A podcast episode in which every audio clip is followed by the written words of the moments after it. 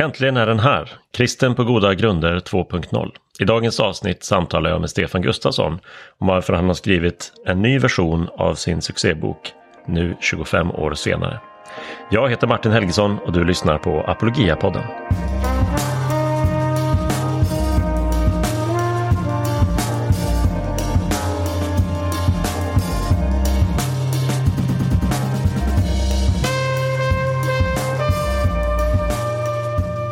Ja, men eh, välkomna tillbaka till ett nytt avsnitt av Apologia-podden. Här sitter jag med Stefan och vi är i full, eh, uppe i full marschfart med den här höstterminen Stefan. Du hade föreläsning igår kväll på en av våra distanskurser och eh, du flyger och far så det, det, är kul att du hade tid över att sätta dig ner i studion här. Eh, vad är du mest, eh, liksom, vad är mest på gång för dig just nu? Och framöver. Ja, men du har, du har rätt i det. Nu är det nu är liksom, eh, hösten rullar in. Det, det är oktober månad och eh, det brukar alltid bli väldigt intensivt eh, och, oktober-november med eh, resor och konferenser och eh, aktiviteter. Så det, för min del så är det en blandning av, eh, av resor till olika platser och undervisning kombinerat med med skrivarbete kontinuerligt med debattartiklar och ledartexter och, eh, och så. Och nu när vi är i oktober så betyder det ju apropå konferenser som du nämnde där att eh, det är bara drygt en månad kvar till Uppdragets rike. Wow. Vi kommer eh, lite senare idag ha, ha planeringsmöte, du och jag och några andra, Stefan. Eh, det här är någonting vi verkligen ska skicka med till eh, lyssnarna, eller hur? Att anmäla sig till Uppdragets rike som kommer vara i Stockholm i, i Citykyrkan i Stockholm för första gången den 10-11 november.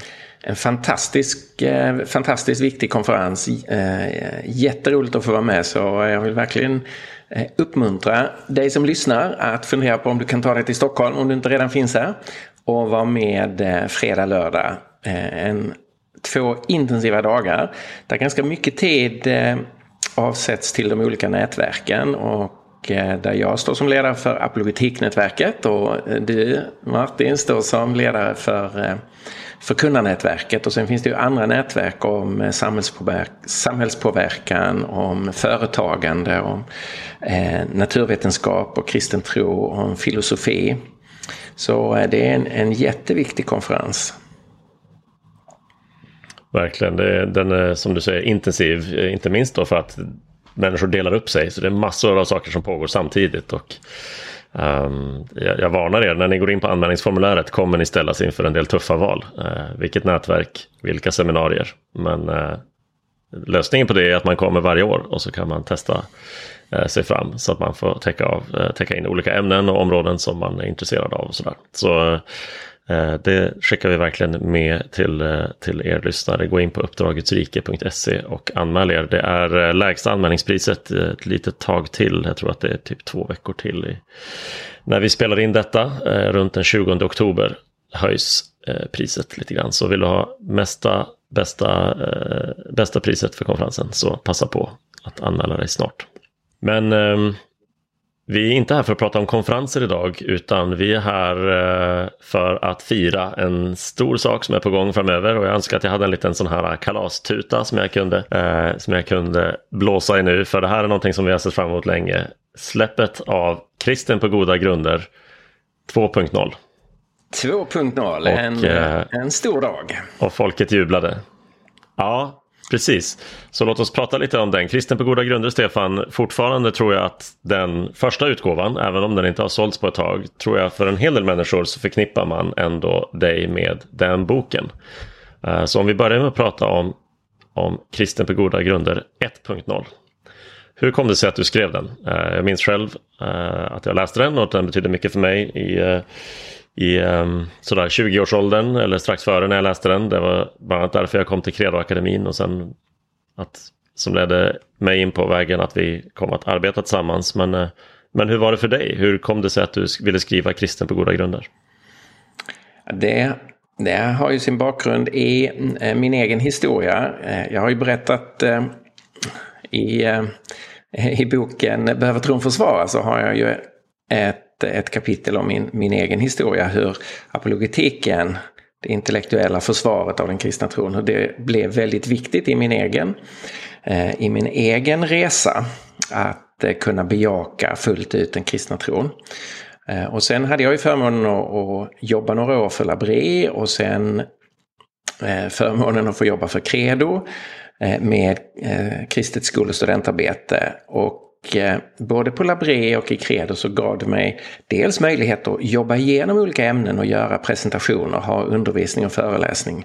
Och jag såg ju att det här hela tiden betydde så mycket för människor att det gav uppmuntran och Eh, eh övertygelse att det verkligen behövdes för kristna och att det behövdes i evangelisationen för att liksom öppna upp möjligheten att, att ens eh, våga undersöka Eh, den, den kristna tron.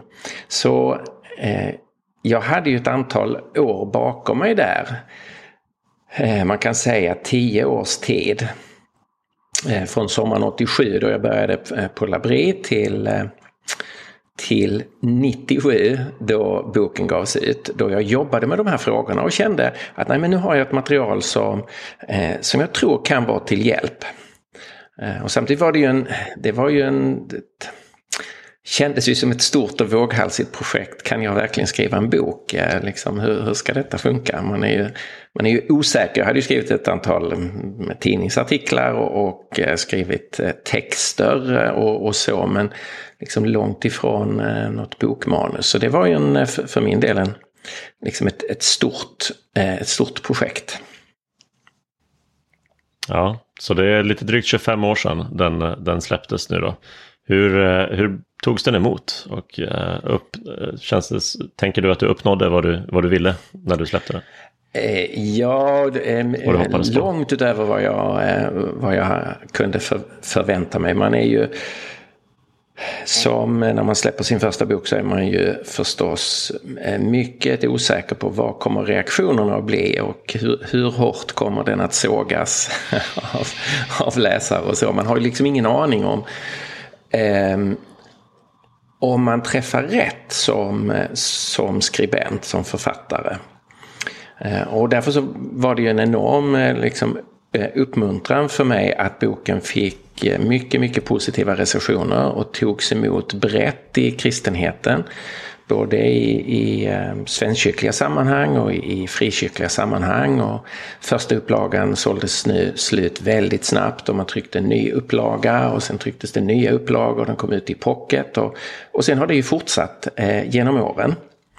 Så eh, eh, boken mm. fick ju ett genomslag som jag eh, aldrig hade kunnat drömma om när jag satt och, och kämpade med de här kapitlen. Jag eh, har haft några exemplar av den genom åren själv. Man har gett bort något och lånat ut och inte fått tillbaka och köpt en ny. Och när man då har öppnat första sidan så har man kunnat följa liksom sjätte, sjunde, åttonde tryckningen eller så som det har stått någonstans där. Eh, vilket ju inte är jättevanligt för kristna böcker i Sverige. Så eh, jag tycker man med detta kan säga att den har fått ett slags klassiker. Eh, status sådär med nio tryckningar tror jag. Och så har vi över 20 000 mm. eh, sålda exemplar och den har betytt mycket för, för eh, väldigt många. Och så har vi kollegor då eh, varit på dig, jag vet inte, eh, några år eh, vid olika liksom, intensiva, olika starka i våra påtryckningsförsök. Men vi har ändå sagt Stefan, det, det vore bra om du skulle skriva en uppdaterad eh, version av Kristen på goda grunder. Och eh, nu är den snart här. När den här podden släpps så är det bara um, bara några dagar kvar tills Kristen på goda, goda grunder 2.0 finns eh, i lager och börjar mm. skickas ut till de som har förhandsbeställt och sådana saker. Det är ju otroligt roligt Stefan. Eh, vi har ju som sagt då uppmanat till att skriva en ny, men eh, om jag ställer frågan till dig, varför behövs det en ny? Vad har förändrats i, i vår omgivning eller i kristenheten som gör att det är motiverat att se över de här frågorna igen?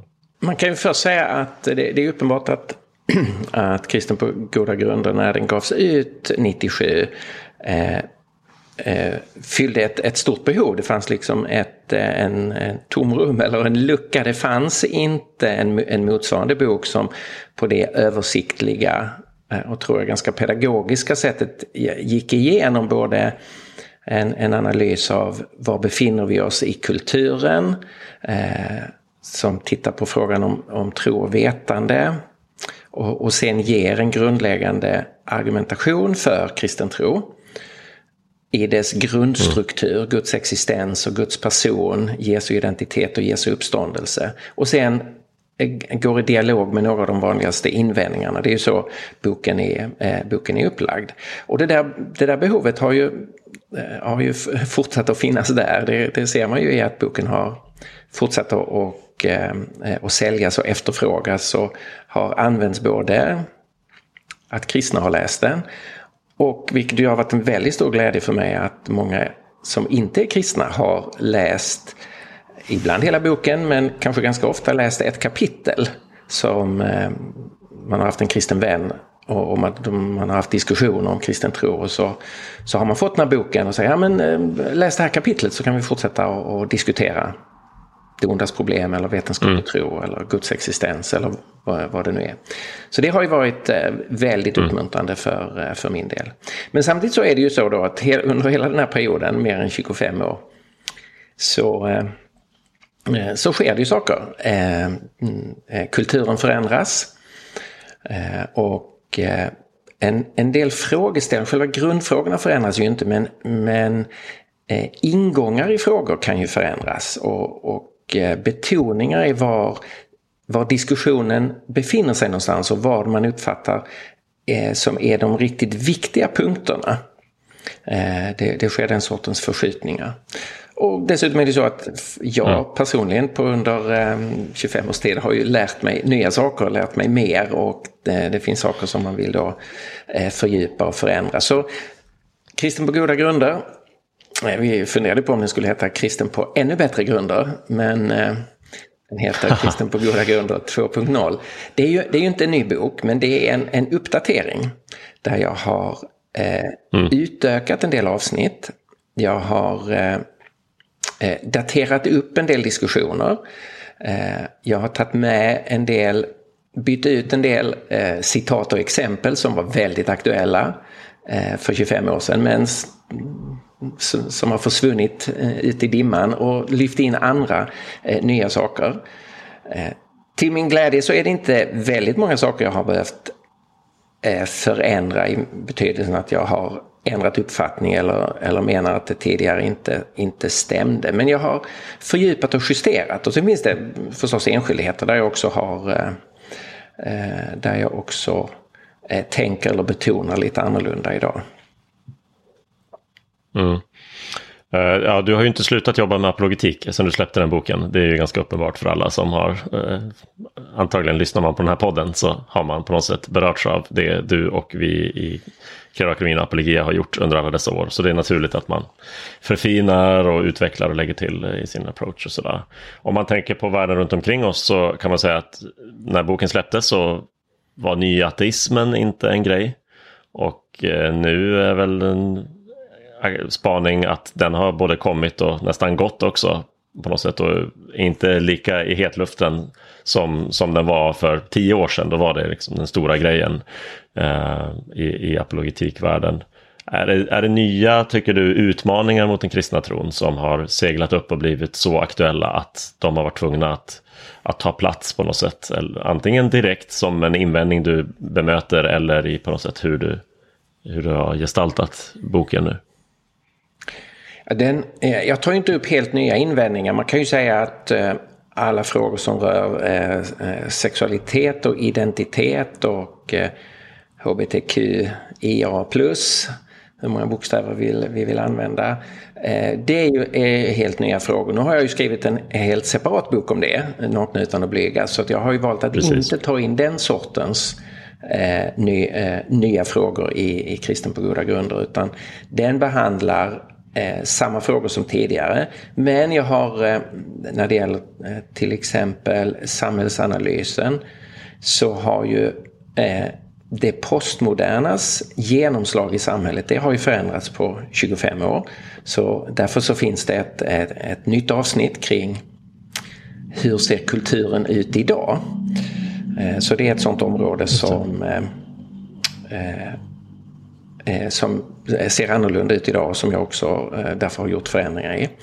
Samma sak är det ju när det gäller diskussionen om naturvetenskap och kristen tro. På 25 år så hinner det hända ganska mycket i naturvetenskapen. Och därför så är det en hel del mm. frågor som, som har med dialogen mellan naturvetenskap och kristen tro där jag har tillfört nytt material och daterat upp det, det samtalet. Om man tänker på kristenheten då. För 25 år sedan så var apologetik någonting som väldigt få församlingar och bibelskolor ägnade sig åt i någon eh, större utsträckning eller med någon större så att säga medveten avsiktlig intention sådär. Och vi har ju lagt märke till eh, även bara de sista tio åren vilket, vilket uppvaknande som har skett eh, kring behovet av apologetik Eh, insikten att unga inte minst behöver hjälp med de här frågorna och så. Har det, syns det på något sätt i boken eh, i, i hur du, jag minns ju från första versionen och jag har faktiskt inte läst den nya än. Eh, men jag minns ju från den första hur du, du pratar lite grann om, eller tar upp så att säga behovet av apologetik i relation till kristenheten och så. Hur, hur tycker du att det har förändrats och, och märks det i boken? Det är, en, det är ju en jättestor, en jättestor förändring att Eh, eh, apologetik har, eh, har blivit eh, ett, en, en, fråga som är mycket mer självklar och mycket mer bejakad idag än den var för 25 år sedan. För 25 år sedan var det fortfarande så att väldigt många sammanhang eh, eh, var ganska okunniga kring det här. Många sammanhang var också ointresserade och man tänkte att det här är, det är inget viktigt, det är ingenting som vi behöver syssla med. Eh, man hade teologiska missförstånd. Yes. Alltså ett, ett tänkande som sa att kristen tro eh, berör egentligen inte, inte tänkandet. Och det där har ju, den sortens missförstånd finns ju fortfarande idag men det har ändå förändrats ganska mycket och eh, vi, vi, kan idag se en helt ny sorts förståelse av eh, betydelsen av apologetik, vikten av apologetik eh, och det efterfrågas hjälp. Och det är ju en av anledningarna att jag har eh, till slut gått era, er, eh, mina kollegors vädjan till mötes att eh, datera upp kristen på goda grunder därför att det, det efterfrågas mer än någonsin. Och nu finns det ju eh, mm. flera generationer som inte haft möjlighet att få, få tillgång till kristen på goda grunder eftersom den har varit slut på förlaget. Eh, och om de har hittat, eh, eller eh, hittat den första utgåvan så är det klart så finns det då saker som, eh, eh, som just hör hemma 1997. Eh, och därför så känns det ju jätteroligt att det kommer ut en, en, en ny och fräsch utgåva både innehållsmässigt och utseendemässigt. Mm. Alltså när jag, när jag läser något jag skrev för tre år sedan eller fem år sedan så kan jag ju ibland eh, tycka att oj, oj, det, det där var ju ingen, eh, ingen hit så att säga. Eh, och känna att det där skulle jag göra bättre nu. Så 25 år sedan, eh, om jag skulle gå tillbaka så långt, då är jag på högstadiet och jag gissar att jag av naturliga skäl skulle eh, kunna förbättra det jag gjorde för 25 år sedan. Men eh, hur har det varit för dig att gå igenom och bearbeta boken? Har du hittat saker som du känner, oj det där, hur kom jag undan med det där? Eh, det här måste jag verkligen göra bättre. Har du helt ändrat ingång till någon fråga? Uh, hur så att säga kanske, jag menar inte en sån, de grundläggande frågorna boken tar upp uh, har du inte ändrat övertygelse kring men har du ändrat kanske sätt du tar dig an frågan om, jag vet inte, den historiska Jesus eller uppståndelsen mm. eller någonting sånt där? Uh, ja, jag känner mig ganska orolig när jag satte mig ner och, och för, för att jobba med en bearbetning av, av manus. Hur i all sin ska detta gå? Kommer jag bara sitta och skämmas och rodna hela tiden när jag sitter och läser vad jag själv har skrivit? Men till, till min lättnad så, eh, så kändes det mycket bättre än jag eh, vågade hoppas. Eh, så att det är, det är, inte så att jag har behövt ändra väldigt många saker utan det är snarare att jag har, eh, jag har förbättrat och fördjupat en del saker. Det finns enskildheter som, eh, för, för att ta det är en mindre sak men eh, pedagogiskt det en ganska viktig sak eh, att jag inte längre talar om bibliska och utombibliska källor när det gäller Jesu existens till exempel. Eh, och det tror jag är ganska viktigt att, eh, att vi slutar göra därför att om vi jobbar med kategorierna eh, bibliska källor och utombibliska källor så kommer ju människor alldeles automatiskt och, och tänka det viktiga här blir ju vad de utombibliska källorna säger därför att det är liksom riktigt historiskt källmaterial. Och sen, okej, okay, det är väl bra om det då stämmer med vad Bibeln säger, men det är ju något sorts religiöst eh, källmaterial och har därför inte alls samma status. Men det har jag ju lärt mig sedan dess att det, det där är ett felaktigt sätt att tänka. Eh, om vi tar evangelierna så är det ju vanligt historiskt källmaterial som ju inte är, till sin natur påverkas av att det senare har samlats ihop i någonting som vi kallar bibel. Och därför bör man inte tala om bibliska och utombibliska källor utan som man i historiska sammanhang gör tala om vem som är avsändaren till en källa. Alltså att vi har eh, romerska källor om Jesus Eh, som Tacitus, vi har judiska källor om Jesus som Josefus och vi har kristna källor som Matteus, Markus, Lukas, Johannes och, Paulus brev. Och de kristna källorna är ju de bästa källorna därför att det är de tidigaste källorna och de källorna som vars författare eh, är närmst relaterade till personen och händelserna som de återger. Så det är en sån sak som eh Eh, jag kände, det där eh, skrev jag inte bra. Det där gjorde jag inte bra eh, 1997. Ja, men det är härligt att man kan fortsätta förbättras och, och förfina saker. Och det är, det är viktigt, det är en viktig poäng att inte sortera på det där sättet. Just så att de bibliska källorna hamnar i någon slags specialkategori som, som är per definition mindre värd när, när det faktiskt råkar vara så att de bästa källorna är där. Och det kanske heller, om man tänker efter, ingen slump att de bästa källorna inkluderades i Nya Testamentets kanon. Eh, man var ju intresserad av att ha så bra historiska källor om Jesus som möjligt med sig i det som församlingarna skulle läsa och eh, ta till sig om, om Jesus.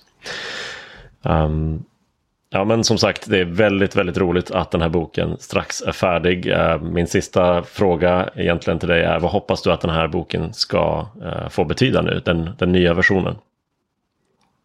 Vad är dina drömmar eh, och förhoppningar om den? Eh, Ja, min, eh, min bön är ju att den ska få eh, fylla samma funktion som den tidigare boken. Men för i, i en ny tid och för nya generationer av kristna. Alltså att eh, eller för nya generationer av människor. Eh, både kristna och den som är en, en, sökare, för boken är ju skriven med den dubbla målgruppen. Eh, så min, min förhoppning och min, min bön är att Gud ska fortsätta använda, eh, använda Eh, den boken till att eh, bygga tro, övertygelse, eh, förvissning hos den som är kristen. Att man känner ah, att det, här, det är här jag landar i verkligheten när jag håller mig till kristen tro. Det, det här har med, med, med sanning att göra. Och jag hoppas att för den som inte är kristen att det ska vara en ögonöppnare. att Tänk om det här är sant, tänk om det här är på riktigt. Att det ska skapa en Eh, ett intresse av att eh, ta steg vidare och undersöka eh, djupare. Kan det vara så att det finns en Gud? Kan det vara så att han har uppenbarat sig i, i vår historia, i Jesus från Nasaret? Och det hoppas och tror jag absolut att den kommer att få vara med och, och göra den sortens eh, avtryck i människors liv. Och eh, du som har lyssnat nu länge nog på eh, detta samtal om boken ska såklart bara ta och scrolla ner lite i din podcast-app och eh, klicka på länken och faktiskt skaffa dig ett exemplar eller två. Så att du kan också läsa den med någon, ge bort den till någon och så. Ehm, är det för tidigt att prata om julklappar? Kanske, förmodligen är det det, men eh, ja, det är ju jul ändå trots allt om drygt två månader och eh, det här är ju ett utmärkt tips på något som kan ligga under granen. Eh, och den är hårdpärm, eller hur Stefan? Så det blir ett, ett hårt paket. Ja, det är faktiskt en, en, en, viktig, en viktig sak här. Eh, Kristen på goda grunder kom ju ut 97 i fin inbunden hård pärm. I mm. de, jag tror de två första upplagorna. Och sen så har det ju varit eh, en pocket Eh, alla de senare upplagorna. Så väldigt många som har köpt den har den ju i en pocket och det vet ju alla vad som händer eh, med tiden med en pocket, att limningen har tenderat att, att eh, gå upp och så. Så nu kommer den i en ny inbunden eller hård pärm. Väldigt, väldigt vackert omslag, jag är mycket nöjd med, med, med det. Så det är en vacker bok och den passar alldeles utmärkt som presentbok eller julklappsbok, absolut. Och jag hoppas ju att en hel del som har den i pocket eh, eh, också vill köpa eh, den nya upplagan. Dels för att komma åt det nya materialet så att säga, att få det i en, en, en lite ny form. och dels få det i en, en hållbar, hållbar version, mer lättläst förstås, större, större typsnitt och så, som det är i en inbunden. Mm. Ja men då så, kila iväg till nätbokhandlarna och eh, skaffa er några exemplar. Tack Stefan för att du tittade förbi och gratulerar till att du äntligen har, eh, har eh, fått skriva färdigt Kristen på goda, eh, Kristen på goda grunder 2.0. Så roligt att den äntligen eh, är färdig. Och så skönt för mig att inte bli hetsad av mina kollegor längre att, eh, kring detta projekt utan äh, har, äh, har gått i mål med det. Ja, oroa dig inte. Vi kan hetsa dig kring annat, Stefan. Jaså, du säger det? Ja, då. ja då, det finns alltid något mejl du inte har svarat på eller, eller något annat som vi kan, som vi kan utöva påtryckningar kring. Eh, så, så oroa dig inte för den biten, men, eh, men det blir någonting vi kan bocka av och en ganska stor grej jämfört med det mesta annat som vi tjatar på dig om. Eh, så att det, det, det blir nog kanske lite lugnare för dig fram, framöver på den fronten. Och ehm, ja, här på APG-podden så hörs vi snart igen framöver. Tack för att du var med och lyssnade den här gången och eh, ha det så bra. Hej då! Hej då!